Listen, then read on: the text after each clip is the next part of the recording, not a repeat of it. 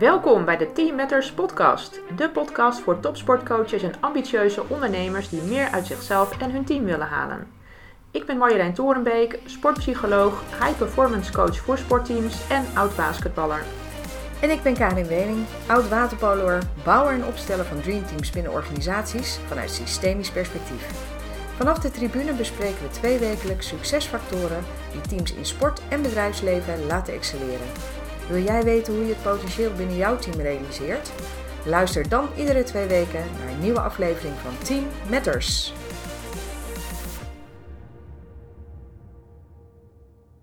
Welkom terug bij aflevering 4 van de Team Matters podcast. In de vorige aflevering zaten we op de tribune bij een volleybalwedstrijd in de Eredivisie. En hebben gekeken en geluisterd naar de communicatie op het veld. Wat hebben daar weer veel inzichten op gedaan die enorm interessant zijn voor jou als coach van een sportteam of voor jou als ondernemer. Natuurlijk hebben we ook weer afgesloten met twee praktische tips. Nou, mocht je deze aflevering gemist hebben, luister deze dan vooral terug. Ja, voor deze vierde aflevering zitten we op die tribune bij het EK Waterpolo, bij een wedstrijd van het Nederlands damesteam. We gaan in gesprek over het onderwerp leiderschap. We kijken hierbij naar de rol van de coach en naar het leiderschap binnen de groep. Natuurlijk maken we opnieuw de vertaalslag naar het bedrijfsleven en we sluiten af met een tip voor de sportcoach en voor de ondernemer. Luister je mee? Aflevering 4 alweer en wedstrijd nummer 3. Na een handbalwedstrijd en een volleybalwedstrijd, beide op het hoogste niveau, nu een wedstrijd van het Nederlands damesteam waterpolo. Ik heb er zin in. We gaan straks specifiek kijken naar leiderschap. Waarom is leiderschap nou zo belangrijk voor teamsucces, Karin? Ja, leiderschap is dé drijvende kracht achter teamsucces.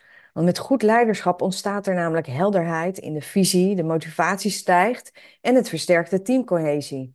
Een effectief leider speelt in op de uitdagingen die er liggen, hè? weet te anticiperen, weet snel Mhm. tot besluitvorming te komen, waardoor het team weer efficiënt en veerkrachtig kan handelen. Ja, aan de andere, andere kant, bij slecht leiderschap of gebrek aan leiderschap ontstaat er verwarring, motivatieverlies, versnippering van inspanningen. Nou ja, dat leidt gewoon tot chaos. Ja, het kan het gevoel geven van men doet maar wat, alsof het er ook niet toe doet, hè, of je wel of niet presteert. De bedoeling blijft dus onduidelijk en de koers lijkt dan zoek.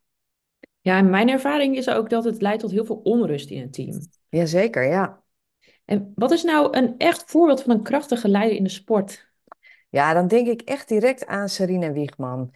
En de bondscoach van het vrouwenvoetbalteam, die nu in Engeland eh, eh, bondscoach is of coach.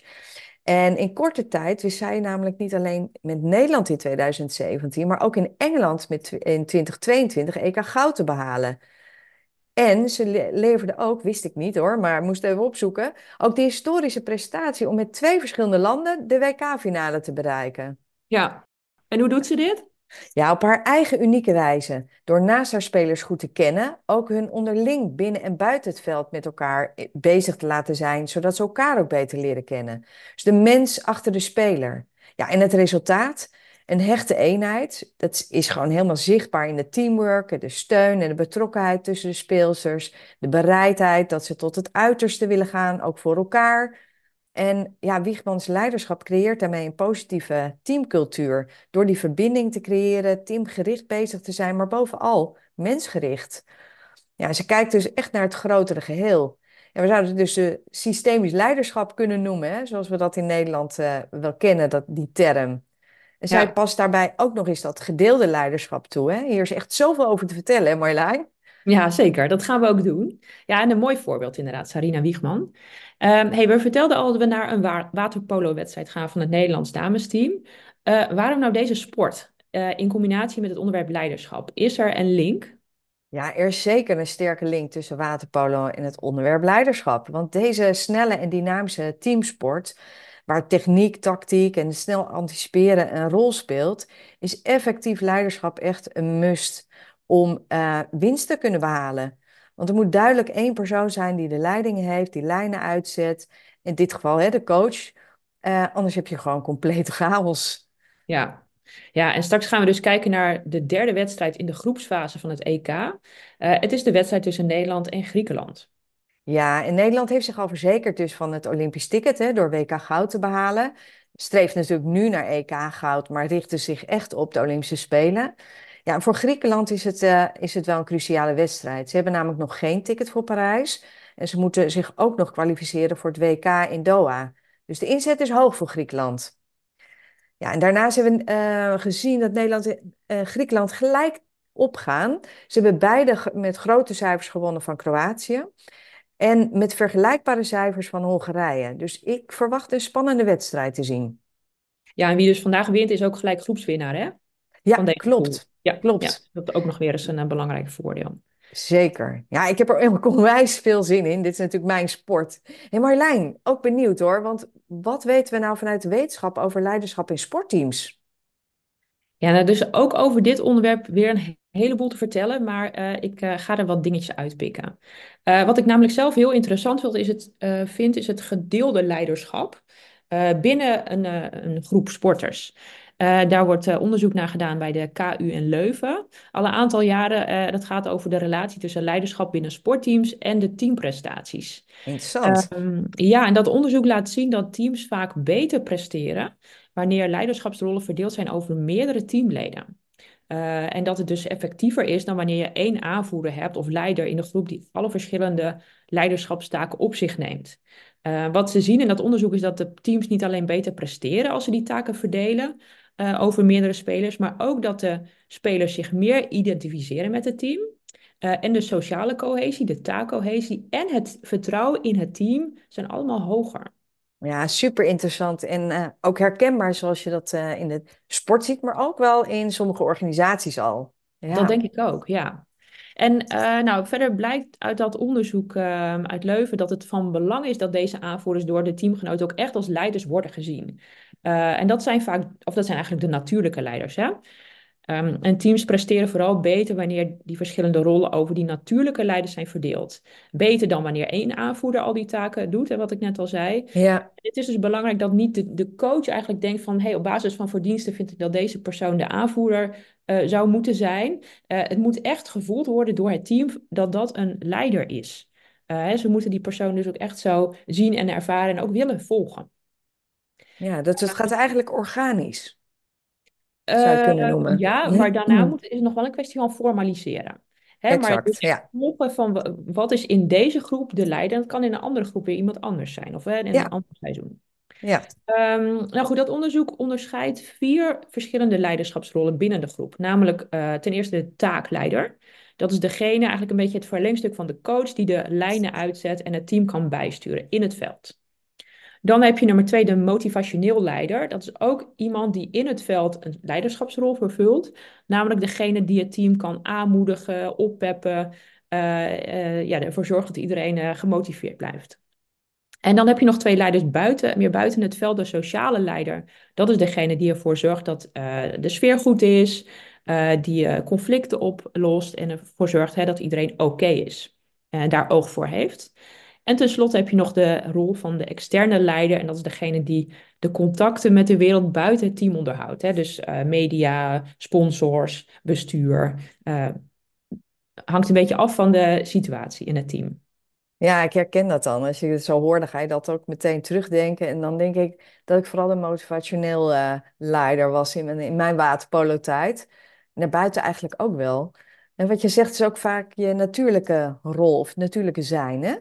Ja, dat klopt. En um, het kan zijn dat je dus meerdere motivationeel leiders in je team hebt. Ja. Uh, dan moet je kijken van wie kan dan op, in bepaalde momenten die rol het beste oppakken. Zeker. Um, leuk om te horen. Ik denk dat ik mezelf het meest herken in de sociale leider. Dus in het veld was ik vooral bezig met de taak. Buiten ja. het veld was ik heel erg bezig ook met de ander.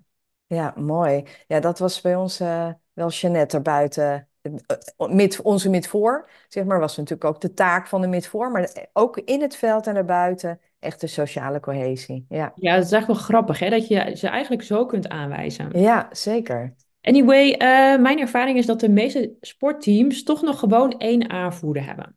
Uh, en uh, een tijd geleden las ik een interview met uh, Mark Lammers, de oud-hockeybondscoach. Ja. En hij vertelde dat hij, hè, toen hij bondscoach was, al werkte met gedeeld leiderschap. Hij, hij, vertelde in dat interview dat hij verschillende speelsters verschillende rollen had gegeven. Minke Boy had hij verantwoordelijk gemaakt voor mentaliteit. Ik denk uh, meer de moti motivationeel leider. Uh, Janneke Schopman voor de tactiek, meer die taakleider. En Fatima Morera de Melo voor alles rondom het veld. Uh, want hij had namelijk het idee dat de aanvoerders vaak minder goed gingen presteren, omdat zij het zo druk hadden om niet alleen met de taak, maar ook nog eens de anderen te helpen en dan nog verantwoordelijkheden buiten het veld. dus hij zag dat gedeelde aanvoerderschap, zoals hij dat noemde, als een ideale oplossing. En het mooie is dat dit nu dus ook on wordt ondersteund met onderzoek. Ja, en, en uh, ik meen me ook te herinneren dat inderdaad uh, Minke Boy ergens uh, ook had aangegeven dat dat inderdaad ook het geval was. Hè? Dat ze soms te veel kon bezig zijn, die aanvoerdersrol, waardoor ze zelf wat minder presteerde in het veld. Ja, dat Ja. moet natuurlijk niet ten koste gaan van. Dus ja, Nee, al die leiden af. Ja, exact. Ja. Dus ergens ook eh, logisch dat iedereen een eigen plek en rol heeft van wat ook je natuurlijk af, afgaat. Hè? Dat werkt dan ook. Ja. Ja, dat is essentieel, ja. En ik ben ook heel benieuwd hoe we dit en of we dit straks gaan terugzien in de wedstrijd. Want ehm, ik heb het even opgezocht. Voor, voor zover ik weet hebben beide teams gewoon één captain, één aanvoerder. Klopt, inderdaad. Ja. En Marlijn, wat is er bekend over leiderschap van coaches? Ehm, ja, nou, coaches kunnen natuurlijk op verschillende manieren leiding geven aan teams. Hè? Hetzelfde in organisaties. En dan heb je het over verschillende leiderschapstijlen. Afhankelijk van het team en de situatie is een bepaalde leiderschapsstijl meer of minder geschikt. En uh, zo zegt bijvoorbeeld het multidimensioneel model of leadership, een sportspecifiek model, dat wanneer de leiderschapsstijl van de coach niet matcht met wat de situatie op dat moment vraagt, uh, of met de voorkeuren van het team, uh, dit uiteindelijk ten koste gaat van de tevredenheid binnen de groep, van de cohesie en ook uiteindelijk de teamprestaties. Uh, om een voorbeeld te noemen, um, stel een coach gebruikt over het algemeen een meer democratische leiderschapsstijl. Dat is een manier van leiding geven waarin je team laat meedenken. Um, en dan in de wedstrijd, als het, helemaal als het spannend is, heeft zo'n team eigenlijk behoefte aan duidelijkheid en snelle beslissingen. Als je dan gaat twijfelen als coach, of je denkt, nou, het team lost het wel op, uh, of geef ze daar de ruimte voor, of je kiest voor overleg in een time-out, dan ontstaat er juist onrust. En dan heb je dus een mismatch. Op zo'n moment moet je de leiding pakken, dus een andere stijl laten zien. Ja.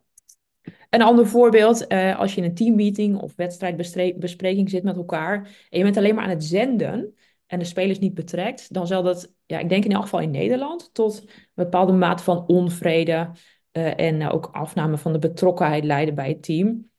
Um, ja, juist omdat spelers op dat soort momenten juist wel heel erg graag mee willen denken en ook gehoord willen worden. Ja, ik hoor je ook echt over situationeel leiderschap dan, hè? En ik kan me ook zo voorstellen dat leeftijd en ervaring van een team meespeelt. Hè? Volwassen teams zullen meer behoefte hebben aan inspraak en meedenken dan ja, heden jeugdspelers. Hè? Die vinden het dan weer juist fijn om die sturing te hebben. Ja, inderdaad. Dus als je van de jeugd uh, richting de volwassenen gaat, dan Ja. zul je ook, dat ga je dan merken. Dan zul je dus ook moeten veranderen in je, in je manier van leiding geven. Ja, exact. Um, en dan maakt ook nog de cultuur van een team uh, een verschil. Want we gaan straks kijken naar een Nederlands team met een Griekse coach. Um, een Nederlandse coach is het wel gewend dat spelers graag inspraak hebben, assertief zijn. Hè, discussies met spelers zijn in Nederland uh, vrij normaal. Uh, maar een coach met een andere culturele achtergrond kan dit wel heel anders gewend zijn. En als hij of zij dan een Nederlands team gaat coachen, dan kan het botsen. Um, Oh, die herken ik ook nog wel hoor. Ja. Ja, we hadden een Russische coach en die was eh, echt van, eh, nou, heel veel dezelfde dingen doen. Uiteindelijk eh, heeft dat ook zijn vruchten afgeworpen. is interessant. Ja. En zeker interessant, ja. Ja. En um, nou, ik gebruik hiervoor nog wel eens de, de culture map van Erin Meyer. He, zij is een specialist op het gebied van interculturele communicatie en Oh, samenwerking. leuk. Ja, Uh, en volgens dat model is de Griekse cultuur veel hiërarchischer ingesteld dan de Nederlandse. He, dus meer eigenlijk wat autocratischer. De coach staat bovenaan in de hiërarchie en Ja. Benieuwd Eh, wat we zo gaan zien. Ja, zeker. Ja. En, want, inderdaad, want zo'n leiderschapsstijl is voor Nederlandse spelers over het algemeen niet zo motiverend. En remt creativiteit en uh, betrokkenheid. Uh, en tegenover zo'n meer autocratische manier van leiding geven staat democratisch leiderschap. En dan krijgt het team veel meer, een rol in het maken van plannen en nemen van beslissingen. Nou, je kan je voorstellen dat geeft ruimte aan creativiteit en motivatie en vertrouwen en betrokkenheid. Meer egalitair noemen we dat ook wel. Uh, maar wat je in de Nederlandse sport vooral ziet, denk ik, is het participerend leiderschap. Dat is een tussenvorm. Je laat je team meedenken, ze mogen inspraak hebben, maar uiteindelijk neem je als coach de beslissing ja, en ik weet niet hoe het met jou zit. Mijn, in mijn ervaring vinden de meeste sporters dit uh, ook het meest prettige manier van leiding geven. Want ze worden weliswaar betrokken, uh, maar uiteindelijk is het de coach die beslist en ook de eindverantwoordelijkheid draagt. Dus het zorgt voor heel veel duidelijkheid. Ja, zeker. Maar goed, het is dus essentieel dat je je leiding, uh, manier van leiding geven kunt aanpassen aan de groep die je voor je hebt. Dus af, afhankelijk van leeftijd en um, cultuur. Um, ook, eh, spelers kunnen ook verschillende culturele achtergronden hebben in jouw team. Uh, ook al zijn, is het een Nederlands team. Uh, en natuurlijk de situatie. Dus het situationeel leiderschap, zoals jij ook al eerder benoemde. Ja. Ja, en dus ook uh, heel divers. Ergens heb je natuurlijk je eigen persoonlijkheid. Dus het is ook belangrijk dat je dicht bij jezelf blijft. Hè, zoals we bij ja. Serine Wichman, Wichman zagen. Ja. Dan afgestemd op je team. Maar dan ook nog afgestemd op de context wat het dan vraagt. Hè? Ja. Ja. En ook Sarina Wiegman heeft natuurlijk moeten wennen aan de manier van communiceren en samenwerken in Engeland. En ja. heeft daar aanpassingen in moeten doen. Exact, ja. Interessant. Ja, nou ja, goed. En we gaan dus straks uh, Evangelos Doudezes, dus ik hoop dat ik het goed uitspreek, uh, zien. Uh, de coach bij het Nederlands, Nederlands team.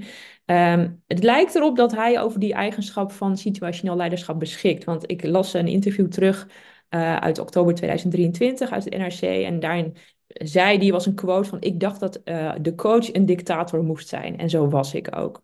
Ja. Hij vertelt ook dat hij heel erg veranderd is. Hij is natuurlijk al een aantal jaren uh, werkzaam in Nederland, dus hij is veranderd op dat vlak als coach. En ik ben heel benieuwd, wat je net ook al zei, wat gaan we daarvan straks terugzien? Ja, hij liep natuurlijk al jaren mee met Arno uh, Havinga, ja. dus uh, heeft inderdaad daarin al wat veel Nederlandse cultuur mee kunnen krijgen. Ja, ja veel ervaring kunnen opdoen. Ja. Zeg, wat is er bekend over leiderschap in organisaties? Kun je daar eens wat uithalen? Dat zal ook heel erg veel. Ik wil net zeggen, daar is ook heel veel over. En uh, het mooie is natuurlijk, en dat is waar onze podcast over gaat, is datgene wat jij vertelt over situationeel leiderschap, gedeeld leiderschap, we ook gewoon weer kunnen vertalen naar um, uh, het bedrijfsleven. Um, want leiderschap is op zich van alle tijden en blijft in ontwikkeling. Um, en um, we gaan zeg maar over het situationeel uh, en gedeeld leiderschap in de show notes nog wel uh, verder delen. Maar ik wil me eigenlijk verder uh, toespitsen op ja, deze nieuwe tijd waarin bedrijfsleven steeds meer te maken krijgt met onzekere tijden. de snelle veranderende en complexe organisatiecontext waar je als bedrijf ook je toevoer moet verhouden. Um, dus dat vraagt om een bepaalde flexibiliteit, oftewel wendbaar adaptief vermogen te hebben. Eigenlijk wat jij net ook zei hè, als coach. Ja. En um, ja, volgens de Complexity Leadership Theory of uh, Mary Ulbeen, ik hoop ook weer dat ik het uitspreek, goed uitspreek, betekent dat dit dat leiders zich constant moeten aanpassen aan de huidige behoeften en tegelijkertijd moeten nadenken over wat er in de toekomst nodig is. En hoe blijf je relevant? Dus je moet dus als ondernemer en leider oog hebben voor het grotere geheel. Ja, veel ondernemers zie je nog gericht op de, ja, nou wel naar buiten toe, maar teamleiders eigenlijk meer op de taak van het hier en nu. En natuurlijk ook met wel met de strategische doelstellingen, maar dit verlies je ook weer gemakkelijker uit het oog hè, door die dagelijkse realiteit, wat waan van de dag. Ja, kan ik me wel voorstellen, ja. Als je dit dan systemisch bekijkt, dan maakt je bedrijf bijvoorbeeld onderdeel uit van een groter systeem. Hè. Jij maakt onderdeel uit van een team, het team vanuit de onderneming en dat, die onderneming weer vanuit een branche. Die bevindt zich weer in, een, uh, in de samenleving van een land of een werelddeel. Dus um, het is interessant en, en goed om je bewust te zijn dat je, dat, je, ja, dat dat groter is dan alleen waar je dagelijks mee bezig bent. En al die systemische lagen hebben namelijk invloed op het functioneren van het team. En dat geldt natuurlijk ook voor de bondscoach van het Nederlands team. Die zijn uh, nu met dit EK bezig, maar ook met het WK dat daarna komt en ook met de Olympische Spelen. Uh, en tegelijkertijd is daar vanuit het NOC-NSF eh, ook een maatschappelijke opdracht. Um, en alle andere coaches van sportteams hebben ook vaak een grotere opdracht hè, vanuit een club of vereniging dan alleen met dit seizoen. Dus om hier invulling aan te geven, vraagt het eigenlijk drie soorten leiderschap van een leider. En de vaardigheid deze te combineren. Dus ondernemend zijn, hè? dus inderdaad kijken naar de toekomst toe en uh, wat daarbij allemaal bij komt kijken. Het strategische onderdeel, het ondersteunend zijn van wat heeft je team nodig en operationeel. En wat speelt in het hier en nu, zodat we ook die winst gaan behalen. Ja, dus eigenlijk die balans in die drie uh, vaardigheden is belangrijk om uh, Ja. succesvolle ondernemer of leider te zijn tegenwoordig. Exact, exact. En Ja. dan, ja, dan kan je dat weer verder eh, natuurlijk downsizen in eh, wat voor leiderschap hè, je daar weer in nodig hebt. Maar dat gaat even te ver. Dat kunnen we allemaal teruglezen. Ja, dus terug naar dat eh, vanuit systemisch perspectief laat je je team dus zien hoe eh, hun acties en de beslissingen van invloed zijn op het gehele systeem. Dus als eh, dames waterpolo zich nu bewust is geworden toen zij WK-kampioen werden, dat zij een rolmodel kunnen zijn voor nieuwe jongere speelsters om die dames waterpolo op, een, op de kaart te zetten, op een hoog niveau te kunnen blijven presteren.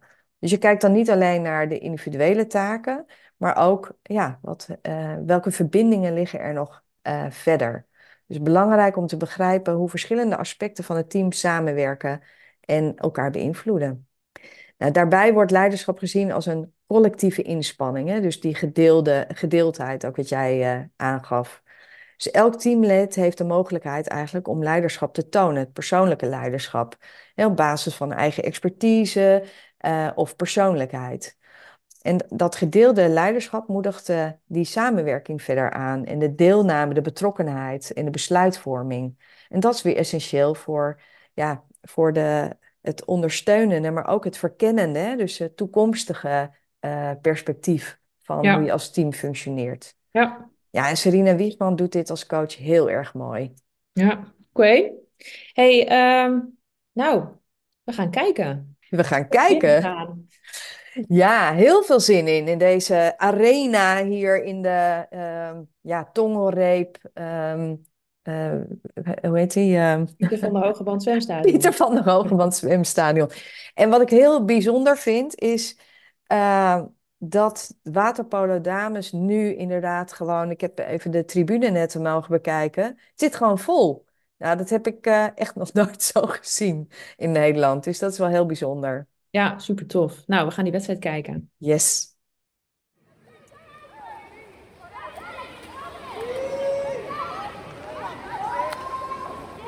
Nederland in de aanval weer met een man meer. Gemist. Oeh. Ja, speelster Ja. komt er weer bij en je ziet meteen, er wordt geschreeuwd, man, hè, eh, gelijk, gelijk. Denk ik dan in het Grieks. En de coach vanaf de zijkant. Neem aan dat het pressing is, want je ziet ze pressen, aanwijzingen Oh, ja. geven. Ze wilde haast wel inspringen, zo Nou, uh, wil het eh, communiceren. en de tegenaanval. Nou, persoonlijke fout. Nog Nederland weer. Prachtig, yes. Doelpunt. Oeh, ja, de coach van de Griekse ploeg ziet nu zichtbaar balen. Doet haar beklag bij de bank. Oh, de assistentcoach stuurt haar even weg weer. Hand om de arm. Even niet, lijkt hij te zeggen. En ja, dan gaat ze weer terug naar het team. Focussen weer. Interessant.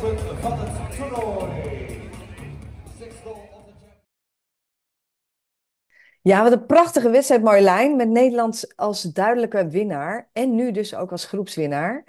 Ehm, ik heb genoten, maar ik ben ook benieuwd. eh, we gaan natuurlijk verder praten. Wat heb jij gezien?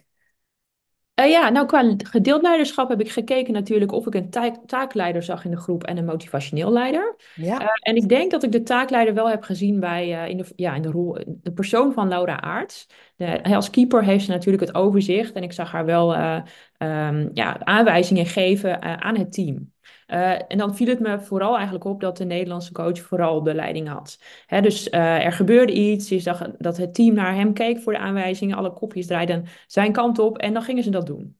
Eh, er was zeker heel veel communicatie onderling in het water. Hè, stel hij- dat, bijvoorbeeld hij zei riep één, dan riepen ze allemaal één. Ja. Ehm, dus ik denk qua leiderschap op het gebied van de, de taak, de tactiek, het was vooral de coach. ja, En Helder. eh, wat betreft het motivationeel leiderschap, denk, ja, viel mij ook vooral de keeper op. Hè, zij moedigde aan en zij heeft natuurlijk ook daarvoor de meeste gelegenheid. Hè? Want eh, als je aan het zwemmen bent of eh, met die bal bezig, dan is dat lastig. Zij ligt een groot deel van de wedstrijd stil, heeft het overzicht. Ehm, en als ik dan keek naar de wissels, dan viel me op uh, wanneer iemand uitging. Er was al even een handjeklap met degene die al uh, langs de kant zaten, maar meer ook niet. Mm -hmm. zo ging iemand zitten, maar dan was dan niet een hand op de schouder, geen motiverende of oppeppende woorden. Dan keek iedereen toch gewoon weer naar wat er in het water gebeurde. Uh, en ja, dus ik heb niet echt gezien dat, uh, los misschien van de keeper, maar dat uh, een of andere ja, enkele speelsters deze rol van motivationeel leider oppakten. En ja, vooral naar de volleybalwedstrijd die we de vorige keer hebben gekeken samen, vond ik dit wel echt een heel groot verschil. Ja, inderdaad, een enorm verschil. De high energy, de vrolijkheid, het enthousiasme was nu uh, ja, wel gefocust, maar wat, uh, ja, wat gematigd. Uh, en wat me ook opviel trouwens was het publiek. ik, had, ik had wel wat meer aanmoediging verwacht. Um, was ook wat stiller. Dus ja, was andere, andere dynamiek, andere oh, energie. Dynamiek. Ja, Klopt. precies. Nou, dus veel minder dat elkaar motiveren, dat uh, contact met elkaar dan wat we de vorige ja. keer hebben gezien. Ja, zeker. Ah ja, en ik heb natuurlijk ook uh, gekeken naar het leiderschap van uh, de bondscoach. En ik vond het opvallend hoe relaxed en vrolijk hij langs het bad stond. Vanaf ja. minuut één. He, ook bij tegendoelpunten, ook als iemand een fout maakte, er even uit moest. Hij oogde, ja, ik vond hem heel expressief, vrolijk. Het leek alsof hij grappen aan het maken was. Alsof hij onwijs veel plezier had. Ja, en ook wel heel die, die, die non-verbale lichaamstaal hè, daarbij. Ja, ja, ja, ja, ja. Tegelijk vond ik hem echt super duidelijk in zijn coaching. Hè? Dus wat hij riep, de tekens die hij maakte, het was niet te missen. Mm -hmm. uh, zijn houding die een en al vertrouwen uitstraalde. En werd er bijvoorbeeld een fout gemaakt, dan, uh, ik zag helemaal niks aan hem. Hij ging gelijk aanwijzingen geven, hij bleef even relaxed. Niet eens een fractie van balen te bespeuren. Hij ja, ging gelijk door. gewoon gelijk focus op het volgende moment. Um, en die, die, coach van die Griekse dames, die vond ik echt ja, heel anders.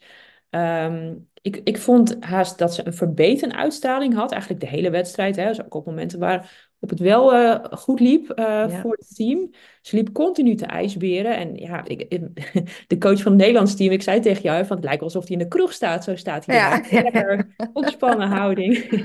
Ze hebben natuurlijk hun ticket al, hè? En uh, Griekenland niet. Ja. Dus er stond natuurlijk ook wel meer op het spel. Ja, dat, dat was eigenlijk ook wel zichtbaar aan de coach. Zeker van Griekenland, inderdaad. Ja, maar goed, dan denk ik wel, wat is het effect hè, op dat team? Wat is het effect? Exact. Want wat, wat ik bijvoorbeeld bij haar zag, bij die, die Griekse coach, um, als, haar, haar, als iemand een fout maakt of een gemiste kans, dan draaide zij zich om naar de bank, of ik noem het dan de bank, ja. eigenlijk klagen, haar beklag doen. Ja. Uh, en dan aanwijzingen geven hoe het anders moest. Ja. uh, maar goed, bij haar kreeg ik de indruk dat je het als speler liever niet fout wil doen. Terwijl ik denk bij het Nederlandse team, de uitstraling die hij had, was hij daar eigenlijk nog niet zo mee bezig. Dus ik, het ging ik, denk ik bijna niet zozeer om wat er fout gedaan werd, maar gewoon hoe gaat het de volgende keer beter? Daar lag ja. de nuance op, hè? Ja, precies. Ja. Maar dan kan je dus ook veel meer ontspannen in het water en gewoon, gewoon de focus houden en, en dus ook risico's durven nemen. Exact. En dan gaat het fout, maar dat is dan blijkbaar oké. Okay. Dus ja, ik, dat kan voor mij heel prettig over. Hè? Als ik een speelster in zijn team zou zijn, zou ik dat heel fijn vinden. Als ik ja. een Griekse speelster zou zijn, oeh, dat zou ik niet echt heel prettig en motiverend uh, vinden. Nee, nee, absoluut. En uh, ja, wat je zegt, wat is het effect? Nou ja, in ieder geval heeft dit keer Griekenland ook verloren, inderdaad. Ja. En wat uh, viel jou uh, verder op? Ja, in, in aanvulling op jou uh, waren dat ook de momenten dat het Nederland stond in het begin achter, kwam met 0-1 achter. er is ook een, een, periode geweest dat er ja, meer stilstand was. En dat bedoel ik eigenlijk te zeggen dat Nederland niet tot scoren kwam. En dan zag je iedere keer dat Sabrina van der Sloot degene was die eigenlijk dat doorbrak en wist te scoren. dus de, de ommekeer uh, wist te realiseren. Ja. Zij leidde het team eigenlijk door dat moment heen. En ik zei wel tegen jou hè, van, uh, goh, uh, wie staat er nou nog meer op? Hè, want ja, je ziet haar dat leiderschap, het aanvoerderschap pakken. Maar je zag weinig andere teamleden eigenlijk dat, ja, die, die spitsrol oppakken. Um, en toen kwam inderdaad Simone van der Kraats. Hè, die toonde zich ook een gevaarlijke spits. Dus dat, uh, dat, ja, die scoorde toen ook. Maar het was echt dat je dacht, nou, wie, kom, wie komt er nou? En uh, wat ik ook even refererend aan die wedstrijd daarvoor, Nederland, uh, of niet Nederland natuurlijk, Spanje-Italië.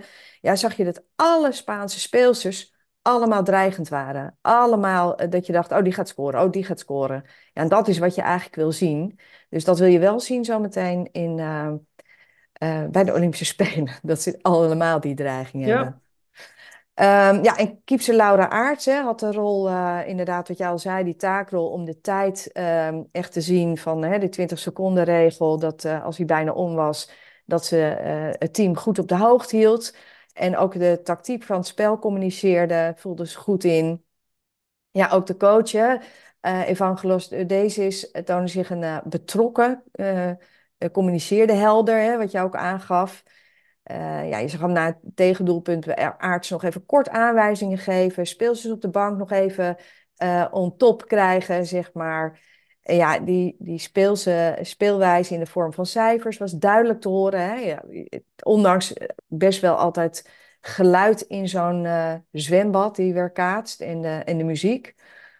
Ja, en dan die bijzondere rust die die uitstraalde. Ja. Coachend, overzichthoudend, anticiperend. Ja, eigenlijk wat jou ook was opgevallen Ja. eh, en opvallend te noemen was. Ja. Ja, en Marjolein, als we dat nu eens vertalen naar de sport in het algemeen. Ehm, nou ja, zoals ik voor de wedstrijd al vertelde, ik denk dat het belangrijk is om je leiderschap te kunnen aanpassen aan de groep die je voor je hebt en, en ook aan de situatie. Ehm, Mhm. hè, we zagen hier natuurlijk een belangrijke wedstrijd en beide coaches waren behoorlijk directief. Eh, hoe ze buiten de wedstrijden om met hun teams en dat hebben we natuurlijk niet kunnen zien. En uit de verschillende interviews komt wel het beeld naar voren dat eh Doedesis zich aanpast aan de Nederlandse cultuur. Eh, dat hij echt oog heeft voor de spelers en hen ook ruimte geeft. Eh, nou, in deze wedstrijd viel me dan vooral het verschil in houding en uitstraling op. En de Nederlandse bondscoach, wat ik al eerder zei, hè, dus heel ontspannen. Bij hem heb je wel het idee dat je een risico mag nemen, met natuurlijk de kans dat je ook een fout maakt of een schot mist. En het oogt voor mij echt als een veilig leer- en prestatieklimaat. Eh, Mhm. terwijl ik juist bij die Griekse coach eh, een andere indruk kreeg. Mhm. Ik denk dat het belangrijk is om als coach in een wedstrijd wel echt de leiding te kunnen nemen. Maar hoe je dat doet, dat kan nog weer op verschillende manieren, zoals we vandaag hebben gezien. Dus dat is een mooie les. Ja, zeker. En welke vertaalslag kan je maken naar de onderneming, eh, Karin? Met de ondernemer met zijn of haar Dream Team? Ja, dus als we kijken naar wat we van het waterpolospel hebben geleerd, hè, zijn er een paar eh, interessante inzichten, vind ik wel, die we kunnen meenemen naar het bedrijfsleven. En vooral dan als het gaat om het bouwen van het Dream Team. Ehm, allereerst het leiderschap. schap. Nou, dat zagen we echt wel dat hè, de coaches zo'n rots in de branding kunnen zijn, de anker van het teamsucces. Ehm, ja, want dat goed leiderschap geeft natuurlijk helderheid aan wat er moet gebeuren, de visie, jaagt de motivatie omhoog en verter- sterkt dan die teamspirit, hè? Ja, Wat echt het verschil maakt in deze tijd, is dat de leiderschap niet één vaststaande vorm heeft, hè, wat jij ook al aangaf. Het vraagt om flexibiliteit, het vermogen om aan te passen aan de behoeften van het team, maar ook aan de context, aan de situatie, of de tegenpartij in dit geval. Nou, we spraken ook al hè, over situationeel en gedeeld leiderschap. Dat niet alleen eh, van die eh, hot termen zijn, eh, maar het betekent wel dat je van leiderschap moet kunnen switchen op basis van wat ja, het team nodig heeft. eh, en in de bedrijfswereld, waar die veranderingen aan de orde van de dag zijn, is dat eh, ook behoorlijk essentieel en leerzaam dus om eh, hiervan de, de zaken mee te nemen. ja, dus eigenlijk hoor ik je zeggen, goed leiderschap, dat is ja, je manier van leiding geven kunnen aanpassen. Dus optimaal kunnen afstemmen. Steeds Ab- bewust ja. van wat er nodig is op dat moment. Ja, precies. Ja, en als we dat in eh, systemisch perspectief daarbij toevoegen, hè, wat eh eh, Bean eh, biedt met haar waardevolle Complexity Leadership Theory, dan eh, ja, brengt zij ook nog iets belangrijks in. Want wil je relevant blijven en succesvol zijn, hè, dan zul je ook moeten aanpassen aan het nu, maar ook tegelijkertijd moeten nadenken over wat is er in de toekomst nodig. Dus als ondernemer moet je niet alleen gefocust zijn op het dagelijkse business, maar ook hebben voor het grotere plaatje. Nou, dat is misschien een beetje een- een open deur, hè? Ehm, maar dat betekent wel een, een switch in leiderschap van ondernemend, ondersteunend en operationeel. Mondvol. Maar het komt neer op dat je ja, misschien wel een soort superheld moet zijn, hè, die de behoeften van het team aanvoelt. Hoor je ook ondernemers wel zeggen, hè? De strategie in de gaten houdt en ook nog eens de dagelijkse operatie managt. Maar op het simpel te kunnen maken kun je ook het beeld, zeg maar, eh, we hebben nu de topsport, maar je kan ook natuurlijk even het beeld van een dirigent van een orkest voor je zien. Nou, in de show notes eh, hebben we een link waarbij je hier verder op in kunnen gaan. Dan eh, als het een beetje overwhelming wordt, dan helpt een beeld ook altijd hierbij, is mijn ervaring. Maar ehm, ja, je begrijpt in ieder geval dat je bedrijf, en dat is even het belangrijkste bewustzijn eigenlijk, dat je bedrijf een deel uitmaakt van een groter systeem.